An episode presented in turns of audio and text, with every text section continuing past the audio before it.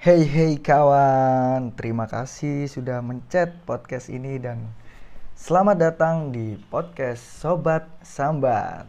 Kenalin, namaku Anton Ari Wibowo dan kali ini podcast ini nggak sendirian. Aku ditemenin sama temen aku siapa? Eh, halo teman-teman, aku Alvin.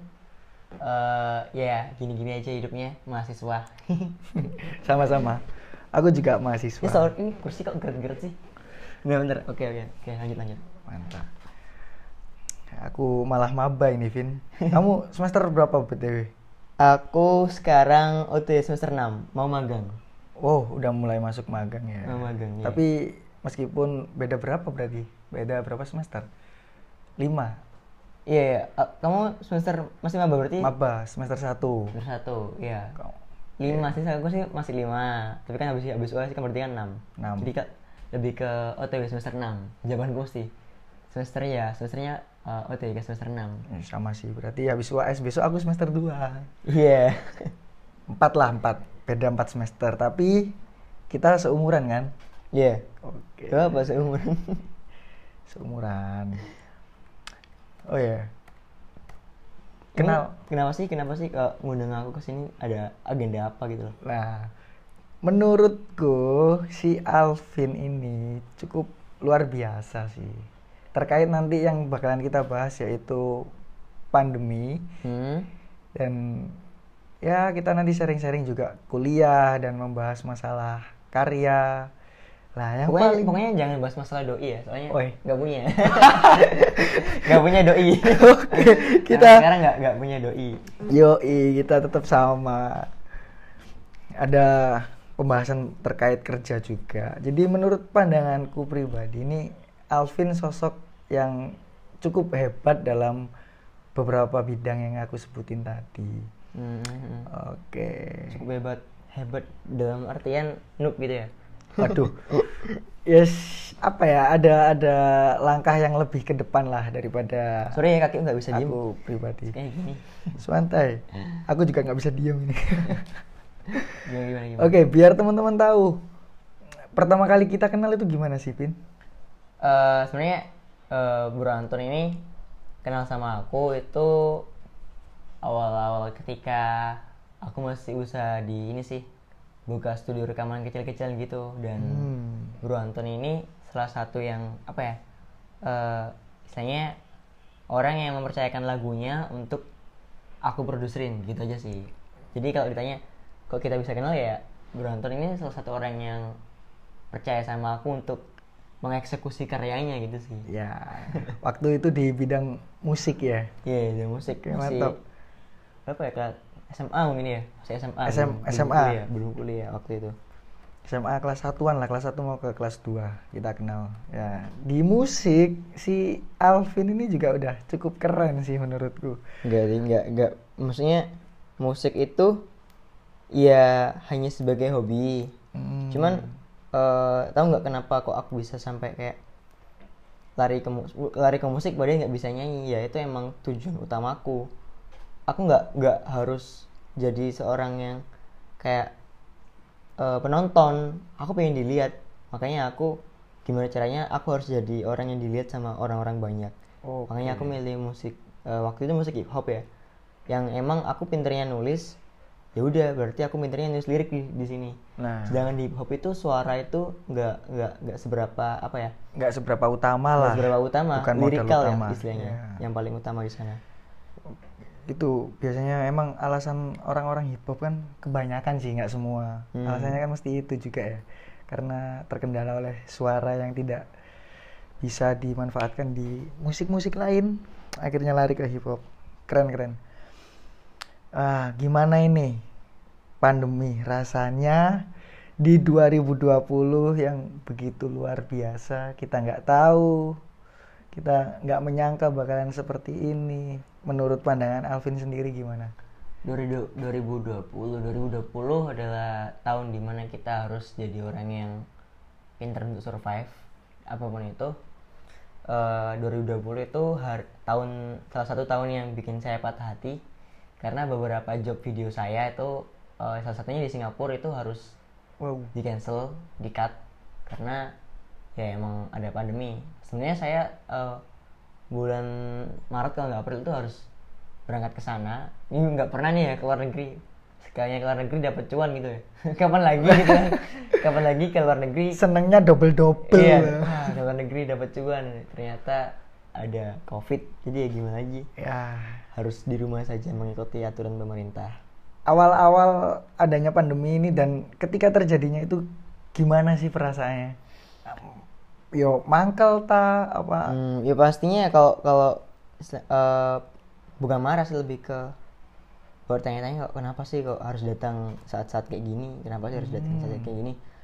Saya rasa semua semua orang itu pasti merasakan hal yang sama ya. Eh, entah itu pedagang entah itu eh, Karyawan. karyawan apa pun itu pasti merasakan hal yang sama gitu. Semua tapi lah. tergantung kita. Kita menerimanya itu dengan menerima dengan eh, posisi yang kayak gimana? Ada yang menerima ya udah ini emang musibah. Sekarang kita mikir solusinya gimana kita bisa bertahan di sini. Oh. Dengan aku ada orang yang seperti itu. Jadi kayak ya aku tahu ini emang musibah tapi aku nggak perlu nggak nggak nggak pengen berlarut-larut ke musibah ini. Setidaknya aku harus bisa survive entah itu. Dan maksudnya apa pun itu aku akan lakukan untuk bisa survive di kala pandemi ini. Gitu. Tetap, tetap berjuang lah apa? Mm. eh, nggak boleh stuck gara-gara satu problem emang hidup ini kan udah problem sih ya Yes. Jadi kalau kalau di ngomongin kalau kita ngomong soal problem, sebenarnya tiap hari itu bakal ada problem. Hmm. Cuman kali ini aja kita benar-benar kerasa dan sebenarnya kamu nggak nggak perlu jadi orang yang kayak eh, minder ataupun kayak gimana karena yang merasakan pandemi itu banyak Bukan- orang. nah, bukan cuma hanya kita. personal. Ah, banyak orang bahkan seluruh dunia gitu loh. Bahkan presiden-presiden pun juga lagi pusing. Masalahnya kita sama masalahnya pemerintah di atas itu beda gitu loh nah bebannya kita sama bebannya mereka-mereka yang di atas itu, itu beda pastinya. terus tadi kan Mas Alvin ini juga seorang mahasiswa Hmm. gimana sih proses perkuliahan pada saat pandemi seperti ini Sejujurnya eh, kalau proses perkuliahan di kala pandemi kayak gini banyak rebahannya sih. Kenapa?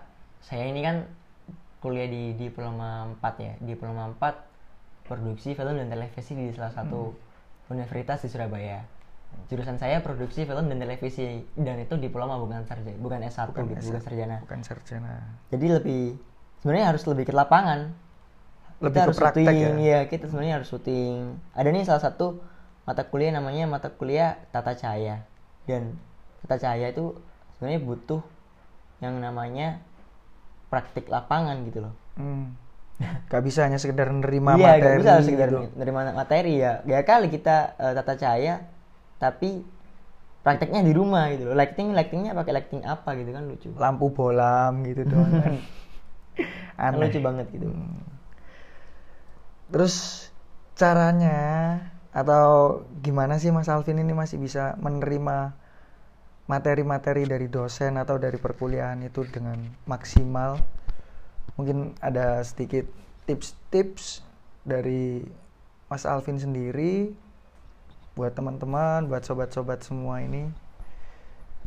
Pasti ada lah yang ngerasa "Wah, anjing kuliah di rumah aja kuliah. Nggak ketemu teman-teman kuliah rebahan doang di depan kamera dan lain-lain gitu Nah, itu sih bro, eh, kalau ngomong jalani aja apa yang emang saat ini gitu. Maksudnya kalau emang kan kita nih pernah ya jadi mahasiswa, kita kan mahasiswa pasti Iya. pernah yang namanya doa libur secepatnya gitu. oke Jangan kan ini tuh Semua. udah dikasih udah dikasih sama Tuhan, kamu libur panjang gitu loh.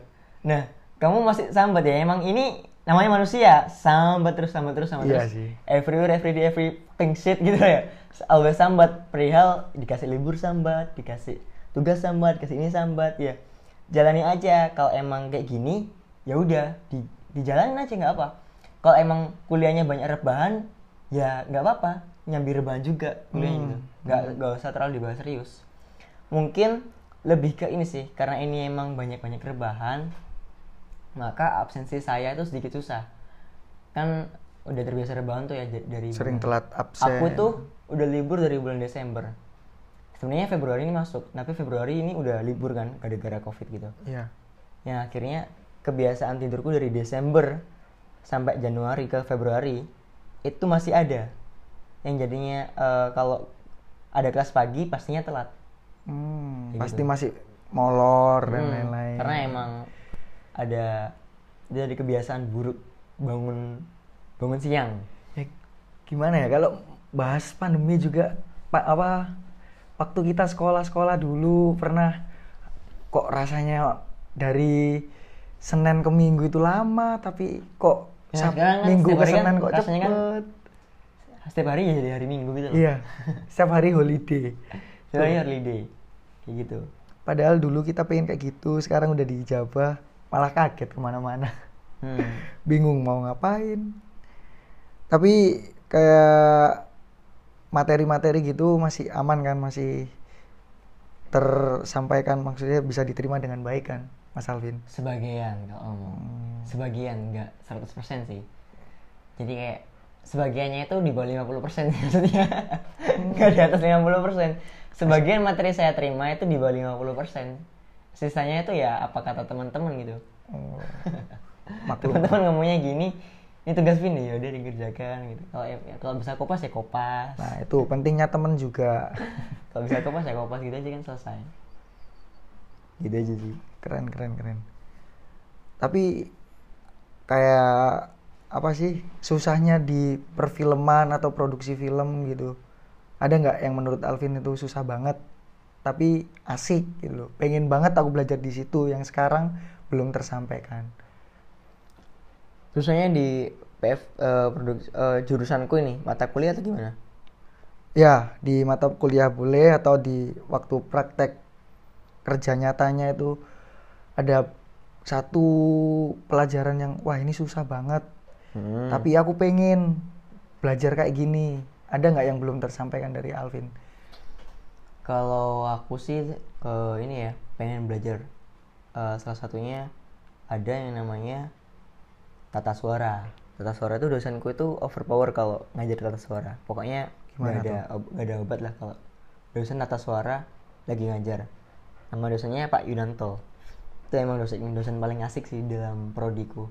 Dan kok ya kebetulan ketika mata kuliahnya beliau covid ini datang. Padahal ya meskipun aku bisa musik aku pengen belajar lebih dalam lagi soal musik ke orangnya. Karena eh, il- orangnya tuh nggak nggak apa ya kayak do- semua dosen sih nggak berit ilmu. Lebih ke kalau nuturi mahasiswanya cara penyampaiannya. cara penyampaiannya tuh oke oke maksudnya. Maksudnya bisa masuk gitu loh. Hmm, Kayak bisa gitu sih. nyampe ke kita yang Heeh, jadi saya sudah bisa, aku sudah udah bisa yang namanya tata suara, udah bisa. Cuman akan lebih overpower ya kalau pasti ketemu sama orang ini. langsung Ah, minta ilmu ke ini cuman via, beliau. via via Google Meet, jadinya gak enak. ya sih emang kendala pandemi ya gimana lagi kita harus tetap semangat karena pandemi ini ada nggak di masa-masa pandemi ini Alvin tetap berkarya Berkarya kemarin sih bikin film ya, bikin film pendek namanya Cahaya dan Cahaya dan Anugerah. Itu eh, film pendek kedua aku sama teman-temanku. Sutradaranya eh, itu waktu itu aku yang pegang sama penulis naskahnya. Kalau ngomongin karya sih itu, itu yang paling kelihatan sih film pendek itu tadi. Dan eh, bikin event motor sama kolaborasi sama salah satu komunitas motor yang cukup punya nama di Surabaya. Eh, apalagi ya? Kalau bikin podcast sih udah udah jarang banget ya. Malah yang ada eh, ini buntu, stuck Buntu. karena apa itu buntu ide atau buntu ide karena eh, nggak pernah keluar. Always kan di rumah. Ya jarang banget kita Jarang banget nerima inspirasi nerima, inspirasi dari itu tadi. luar Kayak gitu. itu sih emang nggak kalau karya-karya yang kayak gitu nggak nggak udah nggak jalan. Bahkan mau bikin video pun susah banget gitu.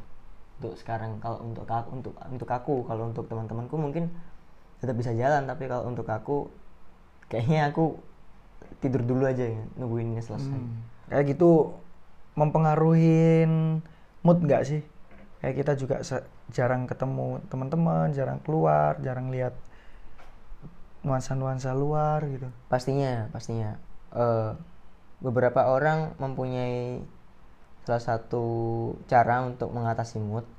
Misalkan kayak aku aku kalau moodku lagi hancur aku tahu harus lari ke mana dan sepulang dari tempat itu pastinya aku dapat mood. Sedangkan tempat yang biasanya aku bikin lari itu eh, pelarian ya istilahnya iya iya itu udah ditutup. Bukan ditutup karena apa tapi emang ditutup karena ya adanya covid adanya ini. pandemi ini. Iya jadi nggak nggak bisa lari ke sana gitu. lumayan rumit memang tapi kita tetap harus bisa survive lah Hmm. selain eh, gini apa aja sih kegiatannya Alvin di rumah waktu pandemi ini Kegiatan di rumah sekarang akhir-akhir ini sih ngurus bisnis online. ini selain kuliah ya selain Hmm, kuliah Selain kuliah ngurus bisnis online ya packing packing Wow. gitu. Sama ngurus bisnis online yang sedang digeluti ini sih. Kayak gitu. Kalau aku boleh tahu dan sobat-sobat yang lain ini boleh tahu bisnis apa nih yang lagi Mas Alvin gelutin sekarang Bisnis online ku ini sih bro. Eh, aku jual-jual produk-produk kesehatan dan kecantikan. ya yang emang itu market pasar yang setauku paling tinggi ya jadi aku jual di marketplace salah satu marketplace marketplace ini Shopee aku jual di situ Kayak Hmm. udah ada sebut mereknya itu. Gak apa sih. Kan Siap. beberapa marketplace kan ada. Ya tapi yang paling aku fokusin di situ sih. Sekarang lagi fokus di marketplace Shopee itu. ini. Ya itu. Ada kan yang ada yang eh, jual di Instagram Facebook dan semacamnya? Aku sekarang lagi fokus di marketplace itu sih. Kayak gitu. Kenapa kau harus produk kesehatan dan kecantikan? Nah eh, logikanya ini kan pandemi. Nah aku emang pilihan paling tepat untuk saat ini memulai bisnis online itu ya emang di bidang eh, kecantikan. kecantikan ngejual maksudnya ngejual produk kecantikan dan kesehatan. Ini pilihan paling tepat gitu loh. Of- istilahnya penjualan kamu akan overpower gitu loh. Dan emang terbukti gitu loh. Aku eh, emang belajarnya sih nggak sampai sebulan sih. Setelah itu aku langsung jualan. Dan jualannya itu biasanya orang kan kalau dagang dan semacamnya itu eh, balik modal Ah. itu mungkin butuh waktu beberapa bulan. Sedangkan ini nggak nggak nggak ada yang namanya dua bulan mungkin sebulan ya. Aku udah balik modal ke situ. Nah kalau udah balik modal kan berarti kan eh, im- bukan impresi sih. Peminatnya produk-produk kesehatan dan kecantikan ini kan tinggi. Sang, bisa Tinggi dibilang tinggi sih Nah, ya makanya itu alhamdulillah banget aku bisa ngejual produk-produk kayak gini gitu untuk saat ini di dalam pandemi.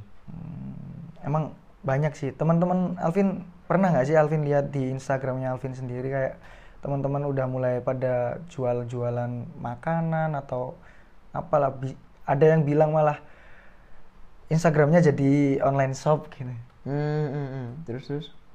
Iya pernah nggak Alvin lihat di Instagram pribadinya temennya Alvin mulai jualan kayak gitu Banyak sih itu emang salah satu eh, contoh contoh-contoh untuk survive. Hmm, Tapi kita ada dua pilihan. Kalau emang kita sebagai real-real pedagang, kita maksudnya dua pilihan itu kita mau melakukannya atau gengsi melakukannya. oh Mau iya atau sih. gengsi? Gengsi kalau kita gengsi nggak makan bro gitu loh. nah itu Ya kan ya? karena idealis kita jadi kelaparan Kita jadi kelaparan gitu. oke ya udah digasin aja gitu jadi nggak nggak ada nggak ada nggak ada masalah sebenarnya. Teman-teman jual di Instagram di Facebook di WA itu nggak ada masalah. Emang sih. Kayak gitu. Kebanyakan- dan itu banyak banget. Akhir-akhir ini aku lihat eh, teman-temanku kampus juga beberapa harus memutar otak mereka untuk gimana caranya dapat duit. Ini kayak gitu. Hmm, untuk makan untuk jajan untuk eh, mereka jajan-jajan sehari-hari. Kan udah nggak dapat sangu harian. Iya, udah nggak dapat uang jajan dari orang tua. Iya. karena nggak bisa ke kampus. Tapi emang apa ya bisa dibilang gengsi atau pengen kerennya lagi itu anak-anak sekarang kan banyak terkontaminasi oleh kata-kata quotes di Instagram di media-media gitu. Idealis atau Hmm. apakah? Gimana menurut Mas Alvin anak Justru muda sekarang? ketika pandemi kayak gini aku kalau aku sih ya kalau aku pribadi aku akan membuang jauh-jauh pikiran idealisku semacam itu dan akan menjadi orang yang sangat-sangat realistis. Kalau emang ini yang bisa dilakukan untuk bertahan di kala pandemi akan aku lakukan. Sebelumnya Mas Alvin ada nggak sih idealisnya Mas Alvin sendiri itu harus gimana? kalau aku sih dulu sebelum eh, produk kesehatan kecantikan sebenarnya pengen banget bisnis di fashion. Hmm. fashion ya. Ketika Kayak- aku jalan ke fashion cuman beberapa berapa bulan ya? Ah, mungkin tiga ya tiga atau dua bulan gitu. Oh berarti udah pernah coba bisnis fashion juga? Iya, justru ketika pandemi aku akhirnya eh, ada semangat bikin fashion tadi. Oh. Ketika aku bikin, ya cuman sebulan dua bulan, omsetnya tinggi nih. Tapi tiba-tiba harus bangkrut karena ada suatu problem internal yang bikin fashion, maksudnya bisnis fashionku tadi bangkrut. Jadi udah ngerasain rasanya gimana sih bangkrut waktu usaha juga? Oh, kalau ngomongin bangkrut, aku ceritanya panjang nih bro. Dulu SMA kelas 1, eh SMA kelas 2 aku udah bangkrut yang namanya, bukan namanya sih, aku udah bangkrut dengan nilai nominal 25 juta. Wow. SMA kelas 2 udah ngerasain yang namanya bangkrut 25 juta. Mungkin kamu SM- SMA kelas 2 bangkrutmu cuman kehilangan uang 10 ribu gitu Satu ya. satu seribu Iya, dipinjem temen kehilangan. kebalik. Karena kehilangan jangan gitu ya. Kalau aku bangkrutnya ya hilang uang 25 juta sih. Wow. Sama Gila gila gila. kalau ngomongin bangkrut aku pernah bangkrut yang lebih dan itu hal yang paling nggak aku ingin ulangin bangkrut 25 juta itu umur berapa ya nggak tahu itu umur berapa Kelas pokoknya. 2 berarti Kelas dua SMA. 16-an lah. 16 ya 16 16, tahun 16 17. Wow. 25 juta 16 tahun ngerasain rasanya kebangkrutan 25 juta. Gimana rasanya? Depresi sih depresi tapi hal yang paling aku inget ayah sih ayah tuh cuma ngomong kamu gak usah mikir sekarang dievaluasi Eh, habis dievaluasi ayo bikin lagi. Tenang mas uang itu bisa dicari. Oh. always itu yang selalu tak tanam di, di otakku. Aku nggak akan khawatir soal uang gitu loh karena uang itu bisa dicari. Hmm. tergantung kita gimana cara nyarinya Tapi yang susah dicari ya pengalaman itu tadi. Hmm. Ngomongin bangkrut, aku jadi inget dulu pernah sih waktu SMP. Pasti Alvin juga sefrekuensi sama aku kan, event-event Hmm. gigs dan lain-lain itu waktu dulu. SMP kelas 8 itu aku pernah ngadain konser di Monumen Kapal Selam. Hmm. Nah, ada sedikit miskomunikasi dari aku sama teman-teman panitia dan yang lain. Akhirnya ya nggak sebesar Mas Alvin sih.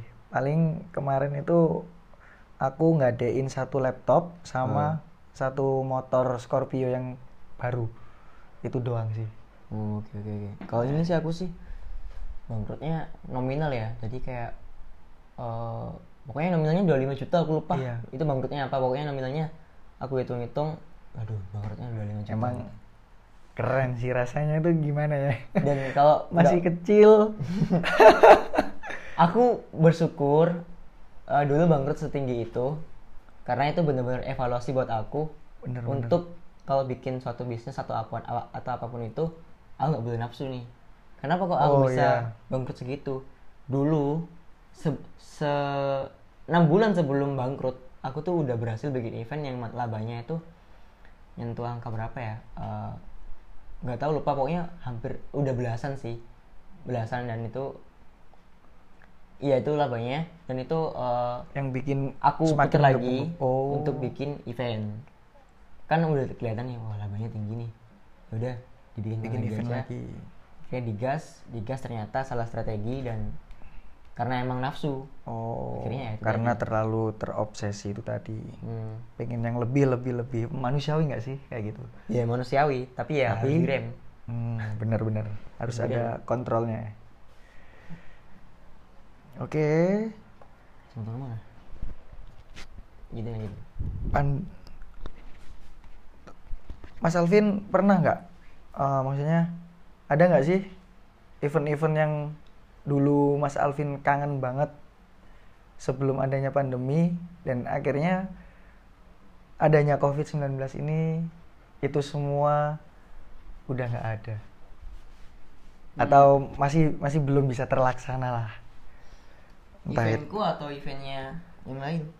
Entah itu event event event motor kayak atau event maksudnya yang dulu pernah Mas Alvin nikmatin kayak datang konser atau gimana. Mungkin ini ya eh, 2019 aku sempat jadi salah satu tim media di event yang Di salah satu event. yang emang besar dan Hmm. tahunan diadakan sebenarnya kangen banget nih sama sini event akhirnya nih event juga harus eh, terkena dampak dari Pandemi. COVID-19 pandemi ini dan ya emang nggak mundur sih eventnya tapi diganti berjualan di marketplace oh biasanya eventnya kan clothingan nih jualannya jualannya di ini. Langsung on on the on venue ya atau on the spot gitu on ya. the spot. Tapi kalau ini diganti ke marketplace. Oh, Ya, diputer gitu ke sih. online itu yang juga. paling yang kangenin event itu.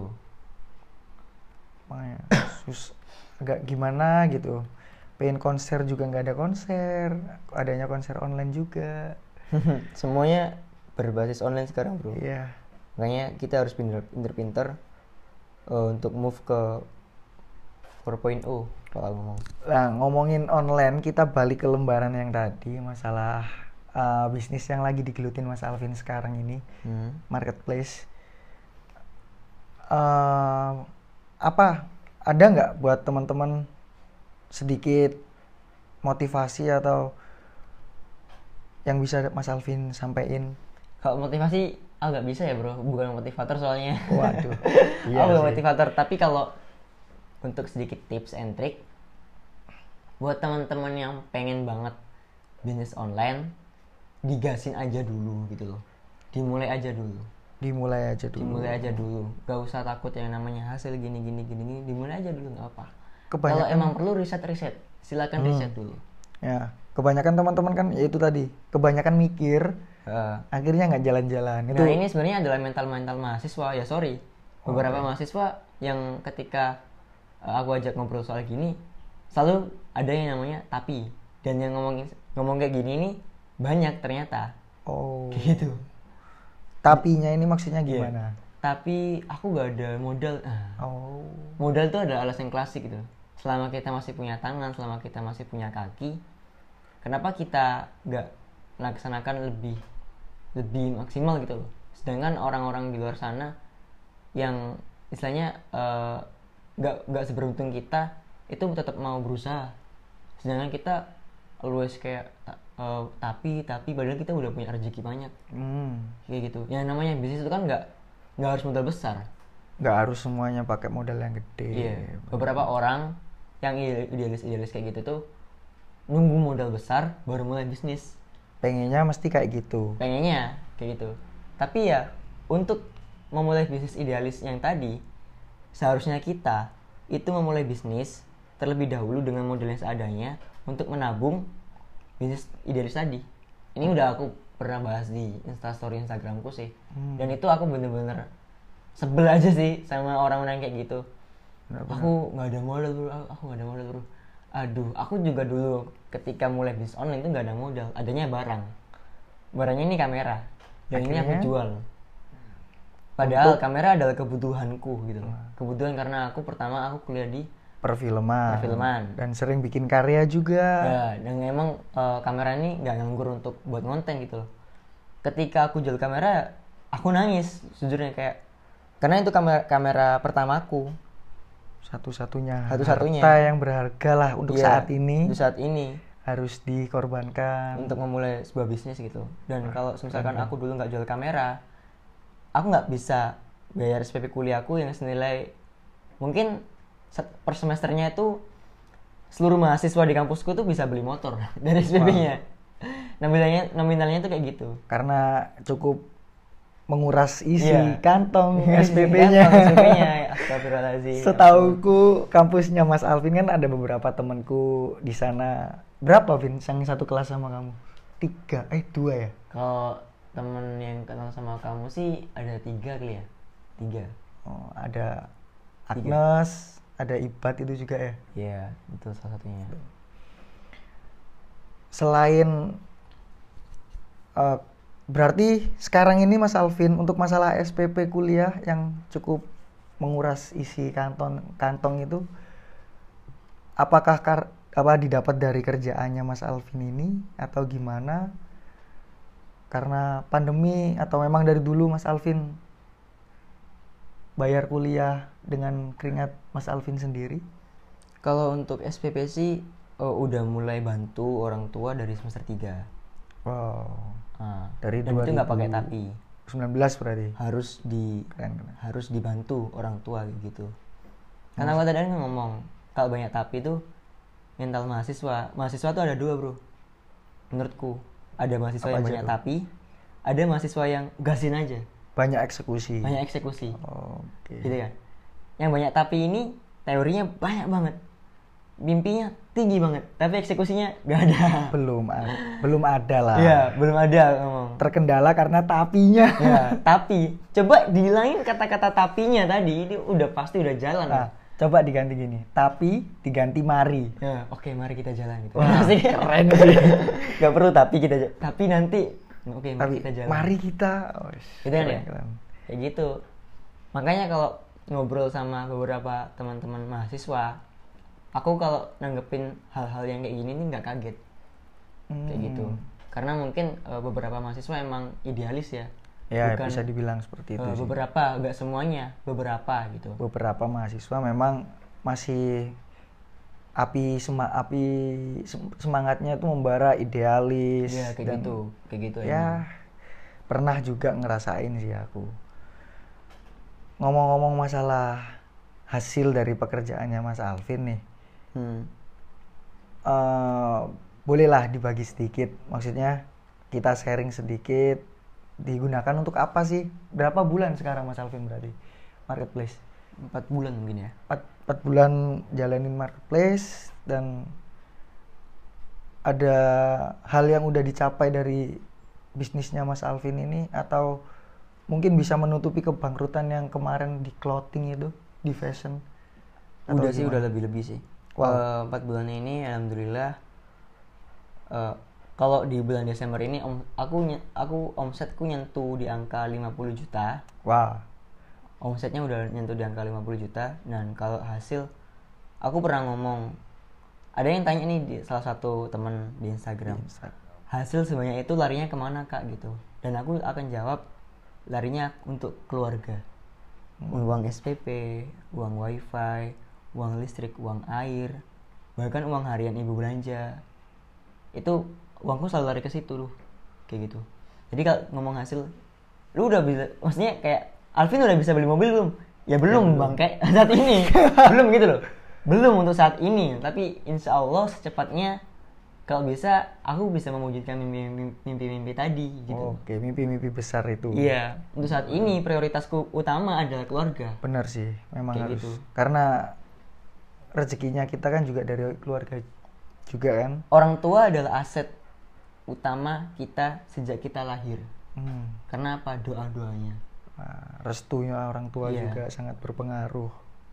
Itu adalah aset Benar sih. untuk kesuksesan kita. Bukan yang dalam, dalam artian barang ya enggak.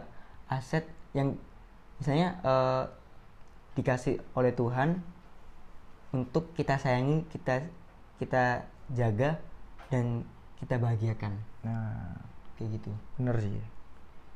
Ininya berbakti kepada orang tua lah. Keren Mas Alvin udah bisa bantu orang tua untuk menjalanin kesehariannya. Dan tanpa tapi lagi sorry. Ya, jelas ada lah. tapi. Kalau sama Pokoknya orang buat tua teman-teman yang dengerin podcast ini sampai merasa tersindir karena omonganku, berarti kalian harus banyak action, Bro. Ya jangan Kurangin tapinya tapi. Poinnya aja dulu. Jangan jangan banyak tapi, Bro. Harus action dulu. Kayak gitu aja sih. berjalan sambil berpikir eh salah salah salah salah salah Gimana gimana? apa ya jalan sambil berpikir berpikir terus jalan Boleh, boleh. ya kita jalan sambil berpikir eh, ya bener sih kita jalan sambil berpikir tapi berpikirnya juga tetap harus berjalan Hmm, boleh. Tuh harus pemuda harus banyak-banyak action memang jadi eh, aku pernah open Q&A nih buat Mas Alvin udah ada beberapa pertanyaan Hmm. khusus yang di titipkan teman-teman saya untuk Mas Alvin. Bisa aku tanyain kan? boleh dibacakan aja nggak apa Mantap. Yang pertama, pertanyaannya, ada nggak support kamu terus selama ini? Atau siapa yang beri kamu motivasi untuk jalanin keseharianmu?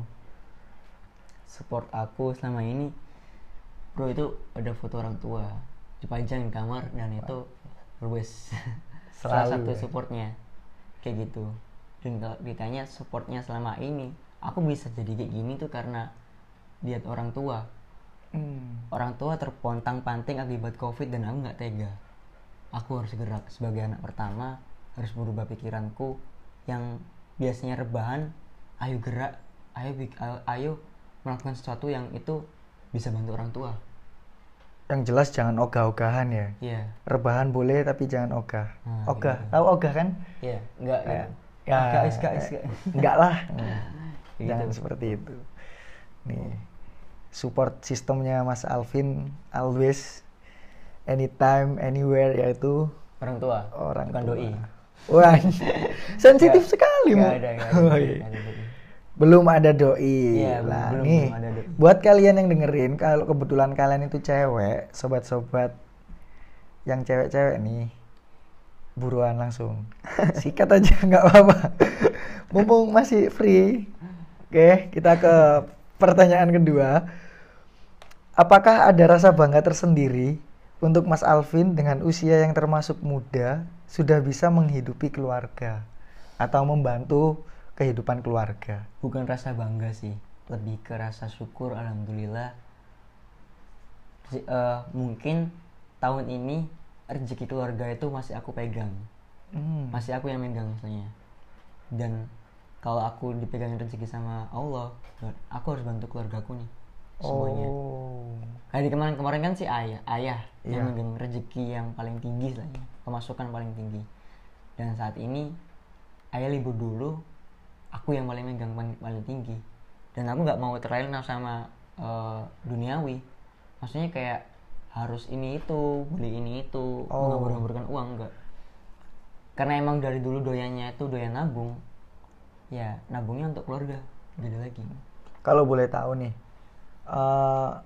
karena liburnya ayah itu kenapa? Karena pandemi atau gimana?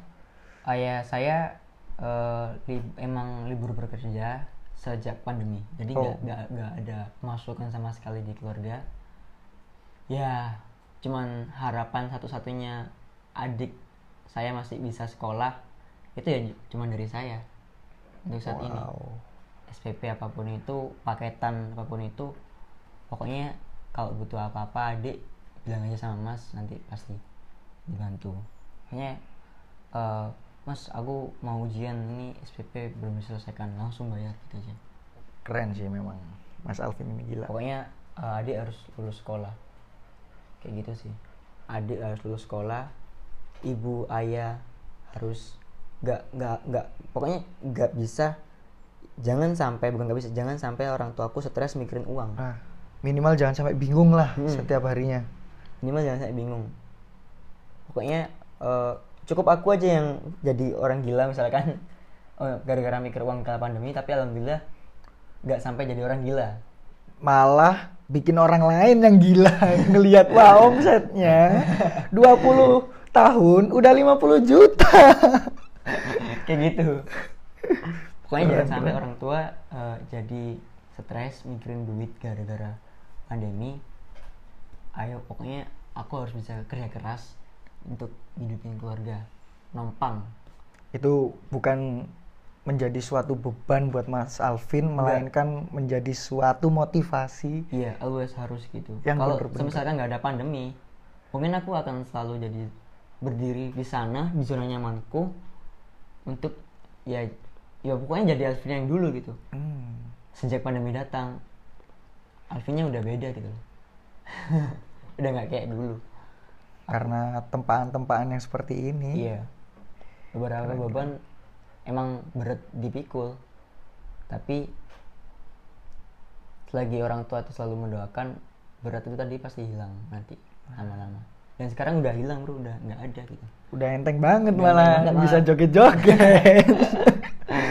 kayak gitu. Aduh, keren keren keren. Oke, pertanyaan selanjutnya.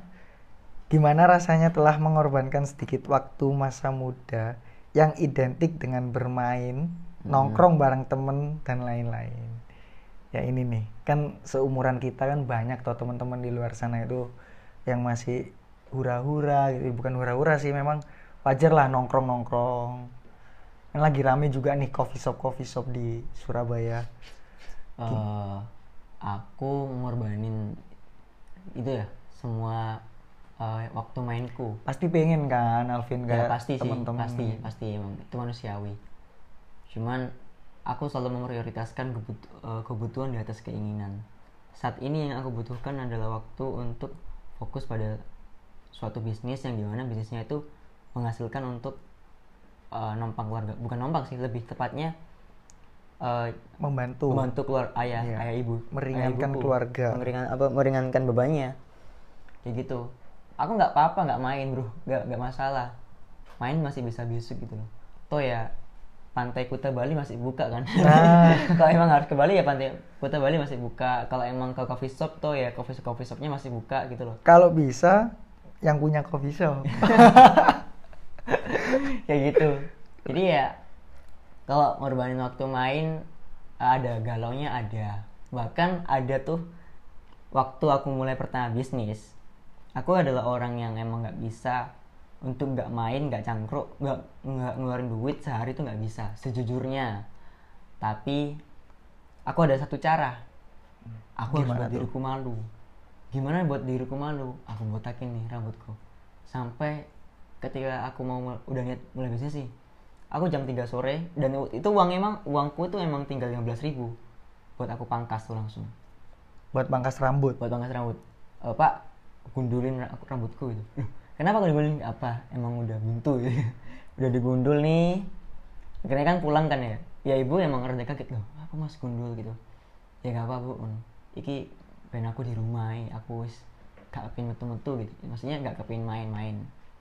Ya itu tadi. Aku buat diriku malu untuk apa? Ya untuk fokus ke bisnis yang aku eh, jalankan sekarang. Yang digelutin. Dan emang selagi aku gundul aku bener-bener fokus belajar apa pun itu setelah aku rambutku udah tumbuh nih istilahnya aku udah menikmati hasilnya. Wah keren sih. padahal jangka waktunya itu hanya dari kepala aku gundul sampai sampai ada rambutnya Ya, sekarang ini. Iya, jangkanya udah kayak gitu. Is- is. dan ketika aku di rumah aku udah bener-bener fokus. Keren keren. Kayak gitu. Kalau galau ya memang pasti ada galaunya bahkan dulu tuh sempet kayak eh istilahnya kayak dari Cak Nan itu apa nelongso ya nelongso. Nelongso. always nelongso setiap hari. Karena emang nggak bisa main. Godaannya lah godaannya. tapi alhamdulillah bisa melewati itu semua dan bisa sampai di titik saat ini. Kayak gitu. Keren keren. Ada lagi masih ada pertanyaan? Apakah pernah mengalami titik terendah pada saat era pandemi ini alami titik terendah saat era pandemi ini eh, adalah ketika lihat ayah sama ibu u- eh, udah ngobrol kayaknya kamu harus cuti kuliah gitu itu adalah titik kegalauan saya walaupun semester saya- kemarin ini Iya, sebenarnya Sempat mau, mau cuti. sempat mau cuti gitu. Wow. Ya walaupun sebenarnya saya bukan mahasiswa yang pinter-pinter amat di kampus, tapi saya nggak pengen cuti gitu. hmm, Saya nggak pengen yang namanya cuti. masih Jadi- ingin memanfaatkan waktu lah Iya, saya selalu ditanamkan di otak saya, uang masih bisa dicari, uang masih bisa dicari, uang masih bisa dicari ketika saya mengalami kebangkrutan itu, itu tadi. Kan ketika saya bangkrut sel- 25 juta, ayah ngomong, udah kamu nggak usah bingung, uang itu masih bisa dicari. Bahkan ketika saya masuk kampus saya daftar dengan SPP yang ngambilnya segitu, aku ngomong, ya iki, ini terlalu tinggi gitu loh. Gimana? Udah mas gak apa-apa, uang itu masih bisa dicari. nanti ada jalannya Nah, nanti aja jalannya. Dan ketika saat ini, ketika pandemi datang, aku mesti mikir uang itu bisa dicari gitu. Pokoknya usaha dulu. oke Gitu. tetap harus usaha dulu Hmm. Karena orangnya uang itu pasti bisa dicari. gimana ya kalau perasaan kita ngelihat orang tua udah mulai ada omongan kalau keadaan seperti ini gitu rasanya. Ya waktu itu emang galau berat gitu. Udah ini cuti apa enggak? Kalau cuti itu aku yang nggak pengen tapi kalau nggak cuti beban di orang tua. Nah.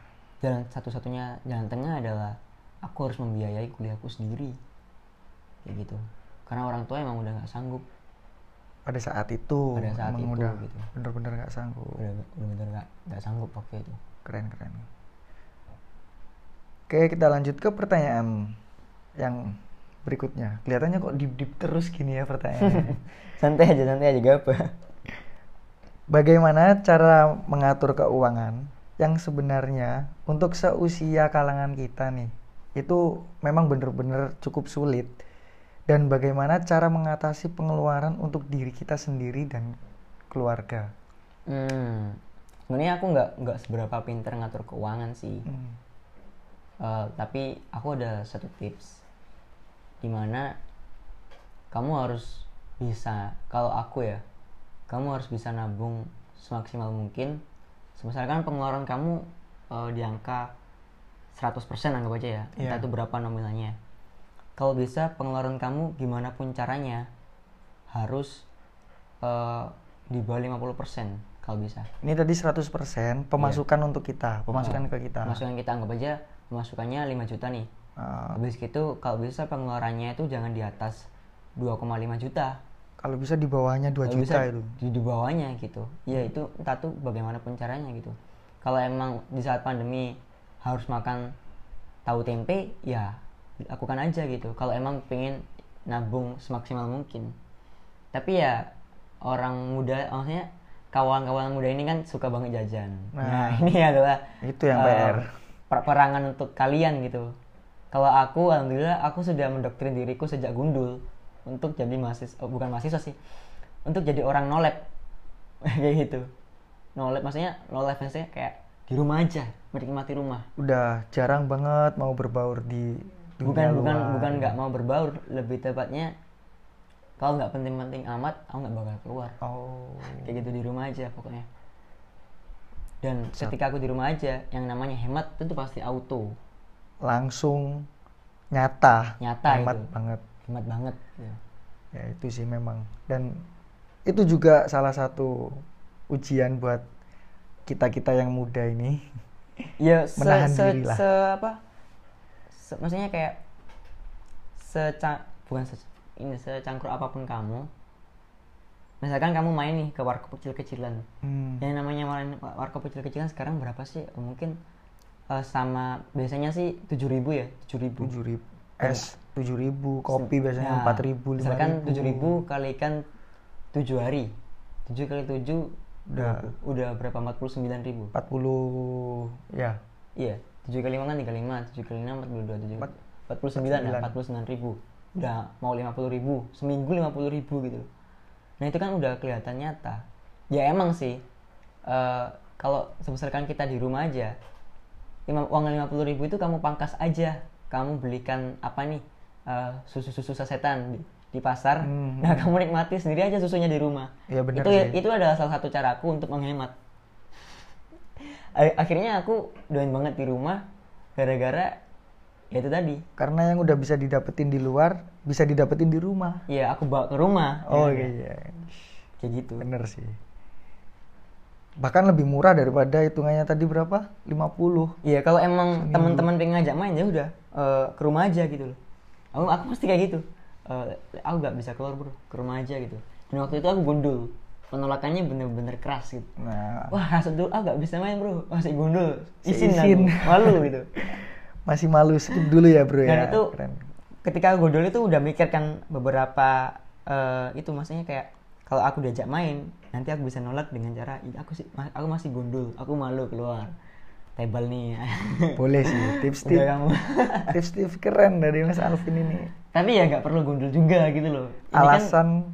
salah satu cara. Nah caranya Mas Alvin. Cara versiku gitu. Cara menolak tanpa menyakiti. Iya belajar dari Pak Boy. Tuh buat aduh. para fuckboy fuckboy yang denger ini gimana sih cara bikin nyaman cewek gitu loh? Oh, kasih tips juga nih. Gantian. Dari tadi kalian dengerin ini udah dikasih tips sama Mas Alvin. Sekarang para para buaya atau pak boy ini. Iya fuckboy fuckboy itu tolong tolong DM saya. Aku juga minta tolong. Jadi gini mas gitu. ntar ntar itu deh. Tak bantuin cari betina betina ya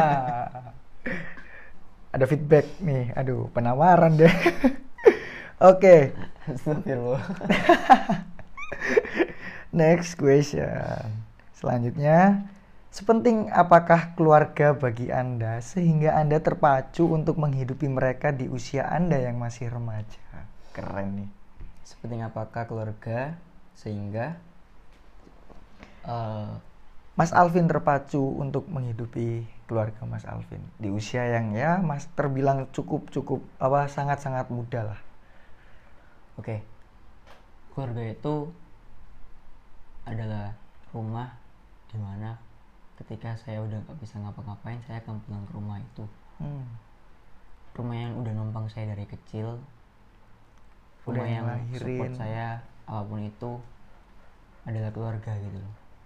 Emang rumah, maksudnya kayak keluarga itu bagi saya adalah hal terpenting.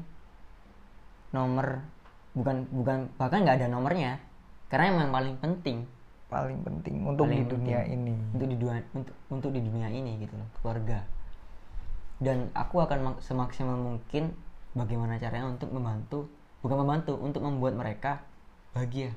Oh, kewajiban kita memang ya. emang udah kewajiban gitu karena kita udah aku nih udah umur 20 ya 20 tahun bro aku dibikin bahagia sama keluarga aku gitu. Nah, 20 tahun. sekarang waktunya aku bikin mereka bahagia kita kalau nangis didiem-diemin, Iya. cup nak cup gitu. Keren sih memang. 20 tahun sekarang waktu aku waktu bukan waktu aku waktunya aku untuk membahagiakan mereka Benar-benar. Oke, lanjut ke pertanyaan berikutnya. Ah, lumayan keren juga ini, bisa menyinggung-nyinggung beberapa pihak. Apakah ada rasa minder atau malu di saat Anda menjalankan pekerjaan ini, sedangkan di lain sisi teman-teman seusia Anda sedang asik berada di zona nyaman mereka? Enggak, enggak ada rasa minder atau malu sih. Lebih ke merasa apa ya? Alhamdulillah aku bisa keluar dari zona nyaman itu. Gitu. Kemarin aku sempet ada curhatan salah satu teman yang dia eh, galau juga kenapa kok aku masih bisa di zona nyaman kayak gini. Wow. Kayak gitu. Kalau dibilang kalau dibilang bangga, kalau dibilang bangga, aku bangga banget bisa keluar dari zona nyaman gitu.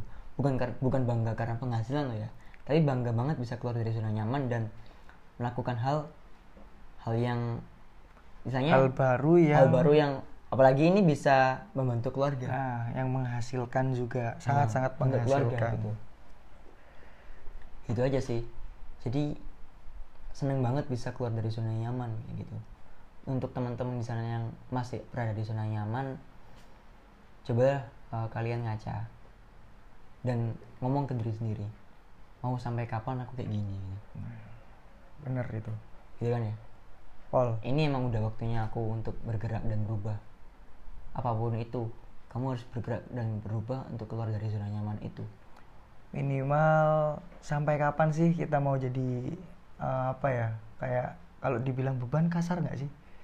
Bukan beban sih, Terus-terusan nyusahi atau gimana ya?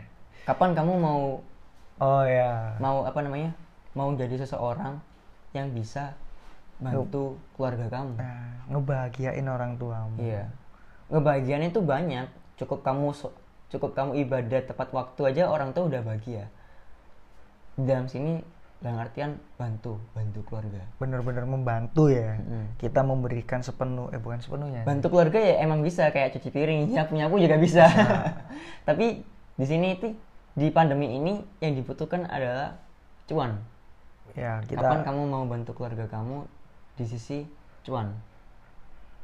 Kayak gitu. minimal bisa jajan sendiri. Nah, bisa ini nongkrong minimal ada bisa sendiri. bisa jajan sendiri, minimal. Keren sih. Kayak gitu.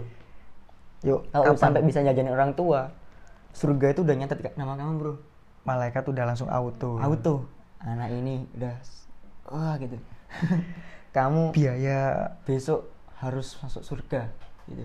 makanya adik, makanya Meskipun kamu ibu. banyak dosa, pokoknya kamu udah orang, orang tua besok insya Allah bisa dibela Wah. Nggak pengen kayak gitu. Beberapa orang-orang muda itu kan nggak eman buat nggak eman sama badannya nggak eman sama dirinya untuk berbuat dosa nah, nah kenapa kita harus eman atau ngerem-ngerem saat kita pengen ngebagian orang tua harusnya dibalik kan lebih enak. nah kayak gitu Kita eman-eman buat berbuat berbuat dosa, menghamburkan uang, Hmm. tapi jor-jorin untuk hal-hal yang baik, terutama bantu orang tua itu. Hmm, kayak gitu Keren sih. Oke, pertanyaan terakhir nih dari sobat-sobat yang pengen sambat. Apa pesan Anda untuk teman-teman di luar sana yang masih minder atau mementingkan ego untuk memulai bekerja demi diri sendiri dan keluarga juga? Pesan dari Mas Alvin yang ya paling apa di luar sana ada sobat-sobat yang masih minder atau masih idealis seperti itu. mumpung masih muda teman-teman. Mumpung masih muda seharusnya kita harus bisa melakukan hal banyak. Hal banyak dalam arti ya kita eh, bisa keluar dari zona nyaman untuk jadi orang yang berbeda. Hmm. kalau aku dulu adalah seorang kreator sekarang aku harus keluar dari eh, zona nyaman sebagai kreator untuk jadi pembisnis Businessman. kayak gitu ya untuk jadi pembisnis. Kalau aku diomong pembisnis sebenarnya aku kayak apa ya kayak aduh masih orang baru gitu loh. Sebenarnya aku ngomong kayak gini tuh nggak cocok. Nggak cocok sama sekali gitu loh. Tapi kapan lagi kita eh, harus nunggu gitu. Ini adalah momentum yang paling tepat buat teman-teman untuk segera keluar dari zona nyaman dan melakukan hal-hal yang pengen dilakukan. Apa pun itu yang berbau positif dan tetap menghasilkan. Ya, kayak gitu. Kalau bisa ya menghasilkan, itu adalah opsi, opsional gitu. Hmm. Kamu pingin hal positif konten ya silakan konten. Kamu pingin hal positif kerja silakan kerja, kamu pingin hal positif dagang silakan dagang.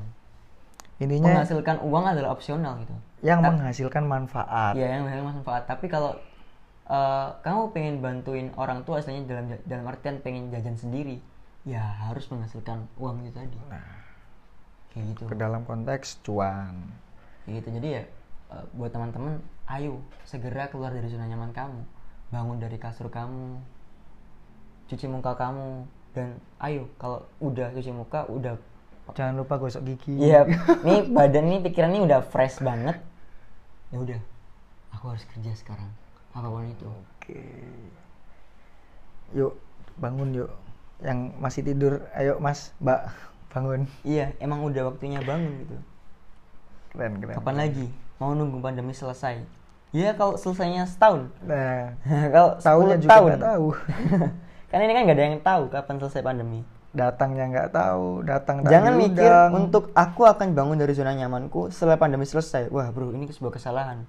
Nah iya itu, kadang kan ada yang alasan gini nih. Aku pengen bekerja, tapi gara-gara pandemi aku cari kerja susah. Hmm. Aku pengen ngonten nih, tapi gara-gara pandemi aku nggak bisa eh, leluasa cari footage atau cari gambar-gambar di luar gimana Ya, terusan. kayak gitu. Gak usah jadi manusia banyak tapi pokoknya. Nah, Action dulu.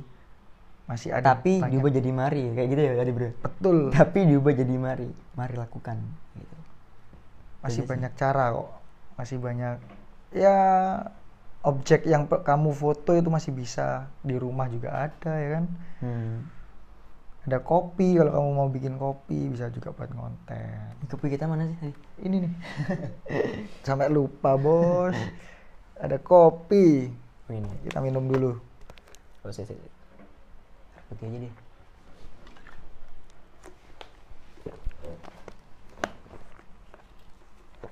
Nih. Setelah tadi kita ngobrolin terkait pandemi, karya dan kerja sedikit ada ya apa ya? Kayak bisa dibilang game sih atau ya ice breaking lah. Oke. Nanti kita kasih dua pertanyaan. Pilih salah satu dengan cepat. Ah iya. Ya ini Kalau jangan- kamu milih apa ngasih pertanyaan doi atau keluarga keluarga bro Wah. Ini sa tapi di sini nggak ada. oh gak ada ya oke oke ini Cuma- langsung jawab aja keluarga bro gitu Cuma dikit kok, cuma lima. video Saya selesai. sorry sorry sorry sorry lanjut lanjut lanjutin Cuma lima pertanyaan ya. Nanti ada dua pilih dua pilihan dijawab sama Mas Alvin dengan cepat. Oke, yang pertama siap ya Mas Alvin ya? oh five minute five minute yuk lanjut Ini Mas Alvin jawab dengan cepat Hmm. dari pilihan ini. Oke, yang pertama video atau foto? video Gagal produk atau uang dibawa lari? uang dibawa lari Bicara di depan orang langsung atau di depan kamera? di depan orang langsung Berorganisasi atau berbisnis? berbisnis Wah. Oke, yang terakhir teman toksik selalu ada buat kamu atau teman baik tapi susah ada buat kamu? teman toksik selalu ada buat kamu oh eh sorry sorry sorry aku pilih nomor dua Teman baik. tapi susah ada buat kamu. iya Oke. Itu jawabannya Mas Alvin. Kita coba cari tahu alasannya kenapa kok Mas Alvin milih itu. Tadi yang pertanyaan pertama video atau foto, Mas Alvin pilih video. Kenapa? video itu eh, apa ya sekarang adalah zamannya audio dan visual audio visual Benar-benar. video itu kan gambar bergerak nah 4.0 ini emang zamannya audio visual jadi aku harus aku mil- lebih milih prefer ke video sih daripada foto Oh, oke. Karena perkembangan zaman ini ya. iya Pertanyaan yang kedua, gagal produk atau uang dibawa lari? Mas Alvin milih uang dibawa lari. Kenapa? uang di bawah lari itu kan intinya yang gini ketika kita melakukan suatu bisnis pasti ada yang namanya partner bisnis Ya. nah partner bisnis itu kan pasti kan eh, ada ini ya transaksi transaksi uang Hmm, berbau-bau sama Eh, uang lah. berbau sama uang aku nggak apa-apa kehilangan uangku nggak masalah untuk mengetahui karakter seseorang. Oh. nggak masalah aku aku nggak masalah kehilangan uangku seratus ribu dua ribu untuk mengetahui karakter seseorang daripada gagal produk. Kenapa? Karena yang dikecewakan nanti. Iya gitu. Jadi kayak gagal, gagal produk itu bukan pilihanku. Aku bakal milih untuk kehilangan uang. Gitu. Pertanyaan yang keempat, berorganisasi atau berbisnis? hmm. Milih bisnis tadi ya Ya. Eh, Kenapa kok milihnya berbisnis? milihnya berbisnis karena sebenarnya organisasi itu suka-suka aja tapi kalau dikasih pilihan organisasi atau bisnis aku bakal milih berbisnis tapi kalau dikasih dua, dua pilihan yang di dalam, di dalam organisasi ada bisnis ya aku akan milih dua-duanya nah sekarang ini aku lagi ikut organisasi ini sih eh, namanya Ja- jagoan digital Hmm. di situ itu organisasi tapi juga ada bau bisnisnya. Kenapa? Karena di sana itu Nanti bisa sharing-sharing sharing soal bisnis juga kayak gitu. Bukan hanya sharing bahkan lebih tepatnya Ada mentoring lah, ada, ada, mentoring juga untuk ya aku bisa kayak gini tuh juga karena organisasi itu tadi. Hmm. kayak gitu sih. Kita bisa dikasih wawasan, Edukasi dibi- juga semuanya Nah, ada di diberikan edukasi juga. Ya tadi yang terakhir teman toksik selalu ada buat kamu atau teman baik tapi susah ada buat kamu. Kenapa kok milih teman baik tapi susah ada buat kamu? Padahal gak enak loh kalau hari-harinya itu nggak ada teman. itu udah biasa sih kalau aku hari-harinya nggak ada nggak ada teman itu udah biasa dalam kehidupanku Eh, aku lebih baik temanku jauh ya teman baikku jauh maksudnya bukan jauh gak ada kabar tapi emang eh, jauh dalam artian si A Jauh sibuk, jaraknya lah. jauh jaraknya atau Hmm. si A sibuk si B sibuk ya kita kan lagi jauh nih karena sama-sama sibuk itu nggak apa-apa daripada teman toksik tapi selalu ada kenapa karena yang namanya toksik itu akan bikin kita untuk jadi orang yang eh, mengalami kemunduran Susah untuk maju, susah Nah, untuk itu berkembang. tadi. lebih baik toksik itu dibuang aja ditendang nggak apa-apa nggak apa-apa nggak masalah nggak ada teman bahkan nggak masalah Kubur hidup-hidup. maksudnya teman toksik ya lebih baik aku punya teman baik tapi jauh. Daripada teman toksik tapi deket. Karena itu teman toksik itu bakal mengombang-ambingkan pikiranku. Kayak gitu. Kalau teman baik nih bro aku pengen aku pengen jalan bisnis nih. Aku galau. Soalnya aku harus soalnya aku harus jual kamera. Dia pasti ngomong nggak apa-apa bro. Jual aja. Toh ya toko kamera kan masih buka. Kalau teman toksik kan pasti jawabannya beda. Kayak opo? Buat apa? Buat jual kamera bisnisnya nggak pasti gini gini Ya. gini akhirnya bikin kita nggak bisa maju. Nggak eman ta gitu. Heeh, kayak emang nah ini kamera pertama bro kayak gitu. Ya, Biasanya kayak gitu. Gitu aja sih. Pinter-pinter milihnya kita juga ya Hmm. terkait teman juga itu oke itu aja yang bisa kita obrolin bersama Bro Alvin. Panggilannya siapa dulu Vin? Cipmang Oh, sampai sekarang atau gimana Cipmang masih tetap jadi panggilan dari teman-teman beberapa teman. Beberapa teman sih. Iya. kayak gitu nggak dulu semuanya. aku kenalnya bukan Alvin ya soalnya. Cipmang kenalnya dulu Cipmang oke oke. Mas Alvin keren keren. Oke sedikit. Ya poin dari ini tadi yang penting buat sobat-sobat yang masih muda masih punya tenaga jangan terlalu banyak tapi ya kita rubah jadi mari. Oke mantap sekali. Yoks terima kasih. Sobat-sobat mau mendengarin podcast sampai selesai. Semoga mendapatkan manfaat mendapatkan pencerahan dan lain-lain. Ketemu lagi di podcast berikutnya. Yoman udah selesai? Gila